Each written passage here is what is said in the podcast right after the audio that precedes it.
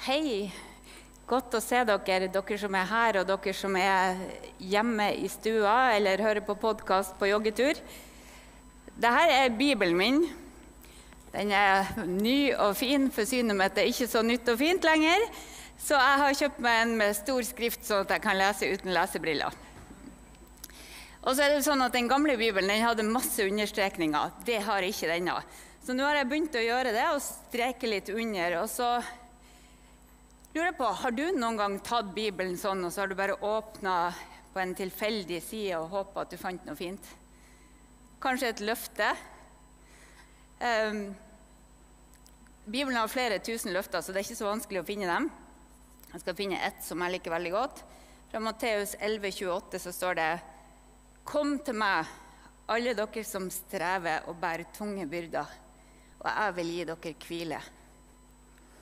Eller hvis vi blar litt lenger fram i Bibelen, så kan vi finne det her fra Jesaja 40, 29. Han gir den trøtte kraft, og den som ikke har krefter, gir han stor styrke. Det syns jeg er fint å ha med seg.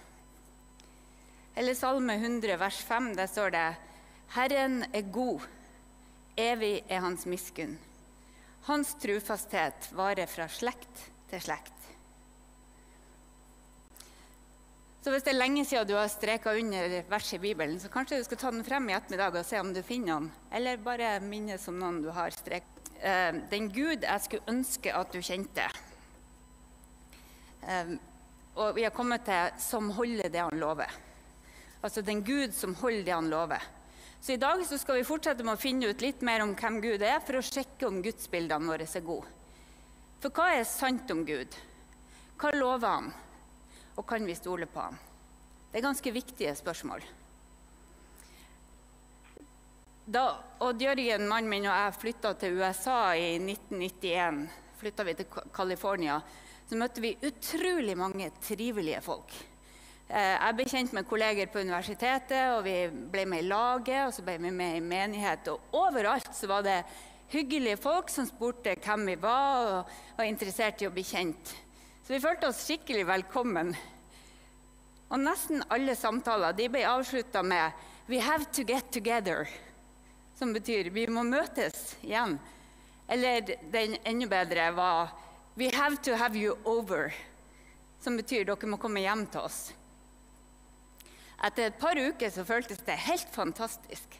For vi hadde fått 30 sånne 'We have to get together'. Og nå var vi helt sikre på at dette kom til å bli en travel og fin høst med mange sosiale møter. Men nesten ingen gjorde alvor av invitasjonene. Det var bare en talemåte. I Norge ville vi aldri ha sagt noe sånt uten å gjøre det, men i California var det en frase som betydde, at, eh, ikke, betydde ikke mer enn at de likte oss. Det var ikke et løfte som skulle holdes. Det vi tolka som løfte, det var en talemåte som de brukte for å avslutte en samtale på en hyggelig måte. Og Etter hvert så forsto vi kulturen, men i starten var det litt tøft. For hjemme hadde vi lært at vi holder det vi lover. Løfter, de holder vi. Punktum. For hvordan kan man stole på deg hvis du ikke holder det du lover? Hvordan kan noen ha tillit til deg hvis du ikke holder ord? Jeg vet ikke om du har vært på sånn seminar eller på leir der man har gjort sånne tillitsøvelser. Nå skal jeg ta få Sunniva og Svanhild til å komme og demonstrere det. Skal de stille seg opp her? Så de kommer litt lenger hit, da. Og så står Svanhild foran Sunniva. Og så skal vi se hva som skjer. Kom igjen, Sunniva.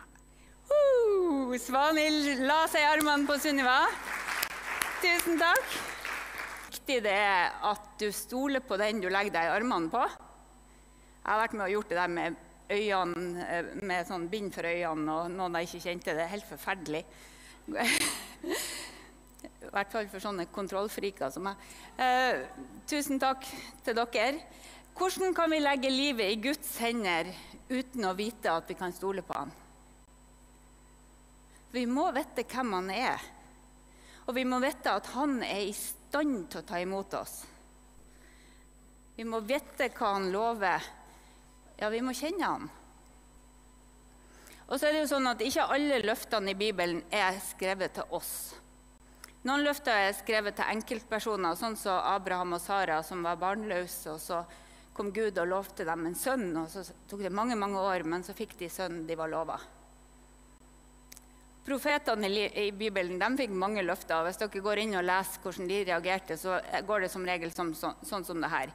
Eh, de fikk et oppdrag, og så gjorde de motstand, og så måtte Gud overtale dem og gi dem et løfte. Sånn som det her i Josfa 1,9. Jeg har jo sagt dere, vær modig og sterk. La deg ikke skremme, og mist ikke motet. For Herren din Gud er med deg overalt hvor du går. For Herren din Gud er med deg overalt hvor du går. Noen løfter er skrevet til israelsfolket, som Gud lovte å fri ut fra Egypt. Og det Gud lovte, tok lang, lang tid, men så skjedde det. Han gjorde det han sa han skulle gjøre. Og så er det alle de løftene i Bibelen som er skrevet til alle de som vil tro og følge Jesus. Sånn som det her som står i 1. Johannes brev 1,9. Men dersom vi bekjenner våre synder, er Han trufast og rettferdig, så Han tilgir oss syndene og renser oss for all urett. Men dersom vi bekjenner våre synder, er Han trufast og rettferdig, så Han tilgir oss syndene og renser oss fra all urett. Men for å forstå løftene Gud gir, så tror jeg vi må innom hva Han ikke lover. Hva lover Gud ikke? Jeg har truffet mange som sier at de ikke tror på Gud. Det er veldig vanlig at folk ikke tror på Gud. Og hvis jeg spør hvorfor, så er det ganske mange som sier at uh, de, har, de, har, blitt skuffa, og de har mista noe. Så mange har trodd før, og så har de bedt Gud om hjelp i krise, og så har de ikke fått noe svar. Så Gud innfridde ikke forventningene deres. Og så ble det vanskelig å tro. Ganske mange har det sånn. Og for mange, både vi som tror, og, og folk som kanskje ikke Og ta oss kontroll. Så jeg skal ta et oppgjør med to gudsbilder som jeg tror vi må kvitte oss med. For gudsbildet det får vi problemer med så snart livet blir tøft. Vi blir lova en gud som en livvakt eller en som beskytter denne verden, vil dere ha trengsler. Eller på engelsk In this world you, would, you will have trouble trøbbel. Jeg liker det ordet. Johannes 16, 33. Og hvis vi tenker etter, så starta jo kristendommen med noe helt forferdelig som skjedde med en veldig, veldig god mann. Starta jo kristendommen med noe helt forferdelig som skjedde med en veldig, veldig god mann. Jesus ble slett ikke beskytta fra vanskeligheter, og ikke disiplene heller. Hvis Gud var en livvaktgud, så ville antagelig ikke kristendommen komme seg ut av det første århundret. Hvis vi leser apostelgjerningene og fortellingene som Peter og Paulus forteller eh, om de første kristne som levde i de første tiårene etter oppstandelsen, så ser vi at de var inn og ut av fengsel. De ble piska, slått, håna. De opplevde sykdom, forlis, sult, nød og konflikter og svik. Og likevel så fortsatte de å fortelle om den Jesus som de hadde sett bli korsfesta, som døde og sto opp igjen. Denne livvaktguden han kan vi forkaste. Disiplene hadde fått et løfte om at Gud skulle være med dem alle dager inntil verdens ende. Men det løftet det var kobla til et oppdrag. Og oppdraget kom før løftet. I Matteus 28 så står det Da trådte Jesus fram og talte til dem. Og så sier Jesus, Jeg har fått all makt i himmel og på jord. Gå derfor og gjør alle folkeslag til disipler Døp dem til Faderens og Sønnens og Den hellige ånds navn, og lær dem alle dager inntil verdens ende. Så Jesus han sendte dem, og så lova han å være med dem alle dager. Midt i sorg og smerte og lidelse, alt det de måtte møte. Ser dere at løftet og oppdraget Han har gitt oss et krevende oppdrag. Gå og gjør alle til disipler. Og så sier han at han skal være med oss alle dager. Så hvis du har mista trua på denne livvaktguden, så er det helt OK. Den neste guden han ligner litt på den forrige, altså det neste gudsbildet. Og det er den her, det er automatguden. Det er han som jeg kan forvente svarer på mine bønner. Så hvis jeg putter inn bønner, så, kommer svarene automatisk. Litt som en sånn godteriautomat. Du kan smile, men eh, mange av oss tenker litt sånn. For hvis han er en personlig Gud som er glad i meg, da burde han jo gjøre det jeg trenger. I alle fall enkle ting, sånn som jeg gjør for mine barn når de spør. Og hei, han er jo Gud. For eksempel, dette er et kjent eksempel fra mitt liv. Hvis jeg roter bort nøklene og har det travelt En gang så la jeg det i fryseren. Det var en veldig vanskelig plass å finne. Så kunne jo Gud hjelpe meg å finne nøklene, for han vet jo hvor de er litt sånn lett eksempel. Et annet er jo hvis ungene er syke, så ber jeg for dem, og jeg håper jo at han kan gjøre dem friske fort, sånn at jeg kan komme meg tilbake på jobb. Da snakker jeg ikke om de store undrene, de urimelige tingene. Jeg snakker bare om det jeg ville gjort hvis jeg var Gud. Skjønner dere? Ja, at han må gjøre livet lettere for de som jeg er glad i. Ja. Hvis det blir ekstra vanskelig, så kan han gjøre det for meg også. Men både du og jeg vet at Gud svarer ikke sånn på bønner. Ja, ikke engang om jeg oppfører meg veldig godt og ber hele tida. Hvor har vi dette gudsbildet fra? Jo, noen har sagt noe som fikk deg til å tro at Gud var sånn. Men heldigvis er Gud mye, mye, mye, mye større. Han elsker deg høyere enn du kan fatte.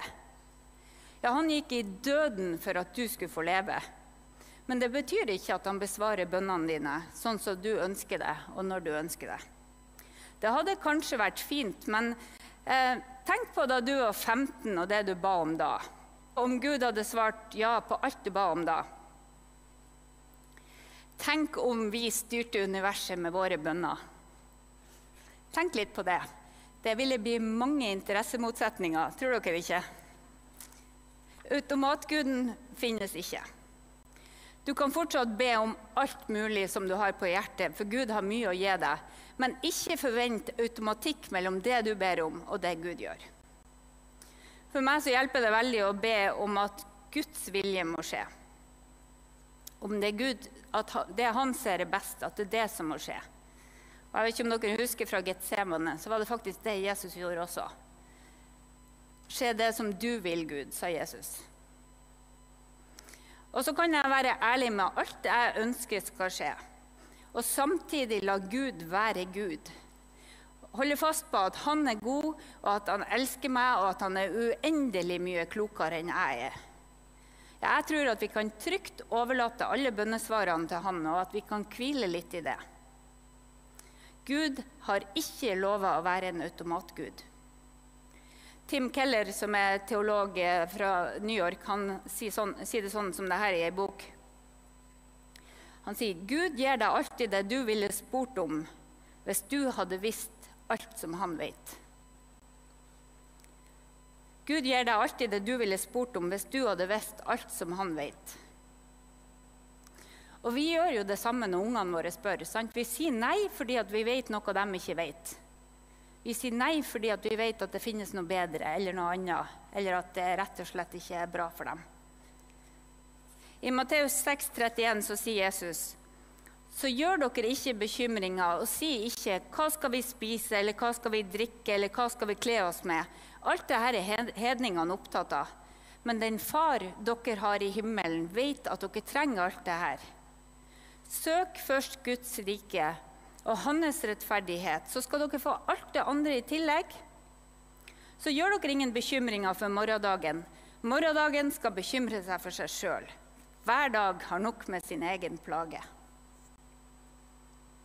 Jeg vet ikke om det er bare trøst i det der siste, verset, siste setninga, men Jesus sier at vi trenger ikke å bekymre oss. Gud vet hva du trenger. Og så ber han oss om å søke Guds rike. Det betyr å sette Gud i sentrum. Og så vil de andre tingene falle på plass. Ikke alltid sånn som vi vet, men sånn som Gud eh, lar det gjøre. Og så er det jo ikke lett å stoppe bekymringer. Jeg er ganske god til å stoppe bekymringene her oppe. Du skal ikke bekymre deg, Lise. Eh, og så flytter jeg det ned til nakken og noen ganger til magen.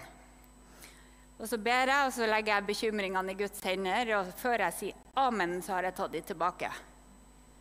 Jeg våkna i morges og var litt svimmel. Det var en sånn Åh, tror jeg hadde stramma litt mye. Um, er det bare jeg som har det sånn? Nei? Jeg er i godt selskap. Så hva gjør vi da når livet er vanskelig? Når drømmene knuses? Hva gjør vi når alt blir verre og verre? Når vi ber og Gud ikke gir tydelige svar? Hva gjør vi når vi trenger visdom og kraft og Gud føles langt, langt, langt borte? Jesus er tydelig på at vi kan fortsette å be. Vi kan få lov å leve i tillit til at Gud vet best. Og vi kan få lov å støtte oss på hverandre som fellesskap, som venner. Men så er det én ting til vi kan gjøre som jeg tenkte jeg skulle ta med til dere. Og det er noe som kan forandre tankene når vi ber. Og dette rådet fant jeg da på Instagram, som er hovedkilden til inspirasjon for mange.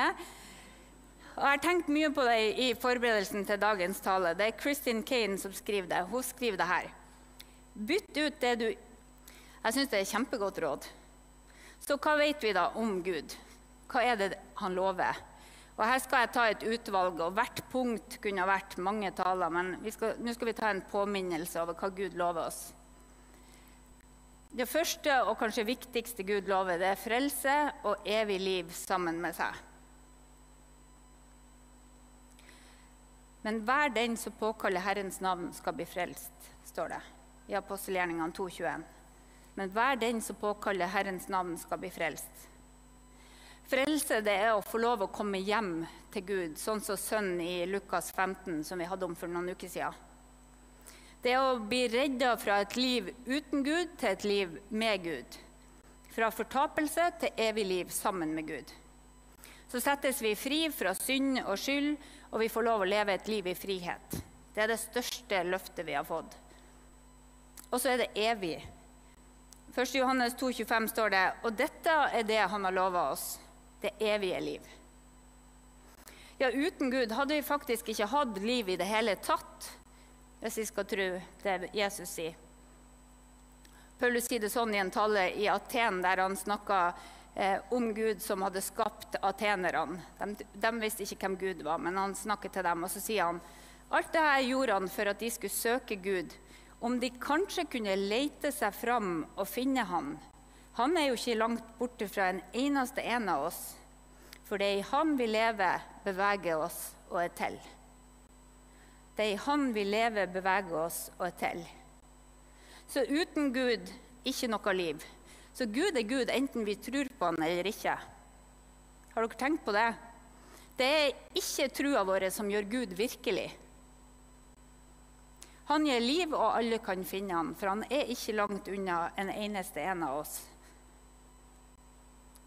Og så har jo dette livet med Gud en rekke fordeler som er verdt å huske, spesielt når livet er krevende. Her er et utvalg av løfter henta fra Bibelen. Gud vil gi oss sin fred som overgår all menneskelig forstand. Han gir den trøtte kraft og den som ikke har krefter, gir han stor styrke. Han vil være trufast alle dager, de gode og de vanskelige, i all lidelse, i all motgang.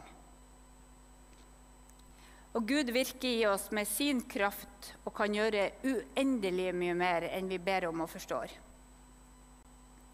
Jesus sier, 'Kom til meg, alle dere som strever og bærer tunge byrder, og jeg vil gi dere hvile.'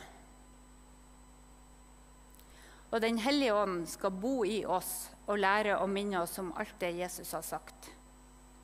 Og en dag, en dag så skal Jesus komme tilbake og skape en ny himmel og en ny jord. Og Det er det største løftet av alle, og personlig det aller minst begripelige løftet. Men det er like tydelig som løftet om oppstandelsen en dag skal Guds rike favne hele verden. Det betyr at Guds vilje skal skje overalt, også i meg og i deg. Alt det onde skal utryddes. Apostelgjerningene 21,4 sier det sånn Han skal tørke bort hver tåre Nei, åpenbaringa, unnskyld, 21,4. Han skal tørke bort hver tåre fra deres øyne, og døden skal ikke være mer. Heller ikke sorg eller skrik eller smerte. For det som en gang var, er borte. Han skal tørke bort hver tåre fra deres øyne, og døden skal ikke være mer. Kanskje trengte du å minnes det i det du opplever akkurat nå, at det vi opplever nå, det er ikke alt. Gud har mer i vente. Vi vet ikke når, men vi kan få lov å kjenne Han som vet. Og så er det jo sånn at Noen løfter i Bibelen er veldig lett å forstå. De kan plukkes eh, ned, vi kan henge dem på veggen og poste dem på Instagram uten problem. Men så er det andre som er litt mer krevende.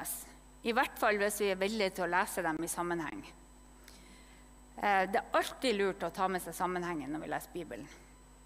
De, tekstene blir dypere eh, og rikere og selvfølgelig mer komplisert. Men hvis vi starter med det vi skjønner, så har vi ganske mye å jobbe med. Jeg skal ta et eksempel. Dette handler om eh, svigermora mi.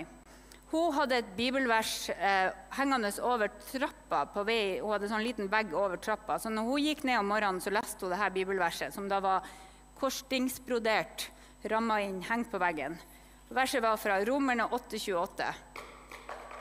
Vi vet at alt tjener til det gode for dem som elsker Gud. Vi vet at alt tjener til det gode for den som elsker Gud. Da jeg kom hjem på besøk til kjæresten min for første gang, da var jeg 19 år gammel. Da møtte jeg Nanny for første gang. Jeg var veldig nysgjerrig på denne dama som hadde, som hadde seks barn spredd over. De var født med 19 års mellomrom. Hun hadde toppsbarn, russ og konfirmant samme vår. Eh, jeg er gift med den nest yngste, og jeg er veldig glad han kom til. Eh, svigerfaren min møtte jeg aldri. Han døde den sommeren etter å ha vært alvorlig syk i ti år. Den familien hadde hatt et tøft liv eh, med tunge tak, lite penger, veldig mye sykdom. Og så hadde hun dette bibelverset hengende over trappa. Vi vet at alt tjener til det gode for den som elsker Gud. Og Jeg lurte på hvorfor dette verset var så viktig for henne. For det var ikke mye som minnet om det gode livet der i huset. Høsten hadde vært tøff etter at mannen døde. og Bare noen uker etter begravelsen så datt svigermora mi ned trappa. Og ikke bare slo seg, men hun knuste. Ja, Og det var rett under korsstingsbroderiet. Alt tjener til det gode for den som elsker Gud. Og som om ikke det var nok, så var en sønn ute for ei stygg bilulykke der en av passasjerene ble alvorlig skada. Og det var et par kriser til som jeg ikke trenger å detaljere. Men det var en mørk, deprimerende, smertefull høst og vinter. Men Nanny holdt fast på dette løftet på veggen. Vi vet at alt tjener til det gode for den som elsker Gud. Hun sa at hemmeligheten ligger i de tre første ordene. Vi vet at. Hun mente at hun visste det. At alt tjener til det gode for den som elsker Gud. Og jeg skjønte fortsatt ingenting.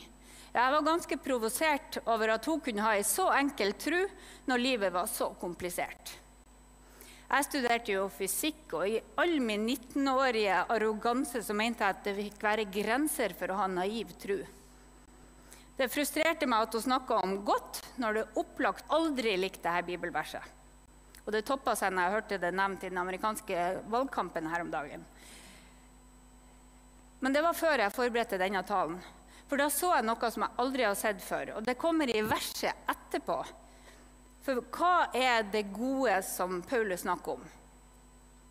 Jeg tenkte jo at det gode må jo være det gode livet, i betydninga at ting går sånn rimelig bra. Et liv som kan planlegges, der vi kan skape noe fint. Ja, det gode livet for meg tror jeg var et liv med mye kjærlighet og mening passe med utfordringer, sånn at jeg ikke kjeder Grei økonomi. Um, ja, det gode, vet du. Det som vi alle ønsker oss. Men Paulus han definerer det gode på en helt annen måte i vers 29. Så vi skal lese det fra 28 igjen. Der står det Vi vet at alt tjener til det gode for dem som elsker Gud. Dem han har kalt etter sin vilje, frie vilje. Dem han på forhånd har vedkjent seg, har han også på forhånd bestemt seg til. Og her kommer det. å bli forma etter sin sønns vilje, så han kan være den førstefødte blant mange søsken. Ser du, det gode er å bli forma etter sin sønns bilde, altså etter Jesus sitt bilde. Og det betyr at det gode er det samme som å bli lik Jesus.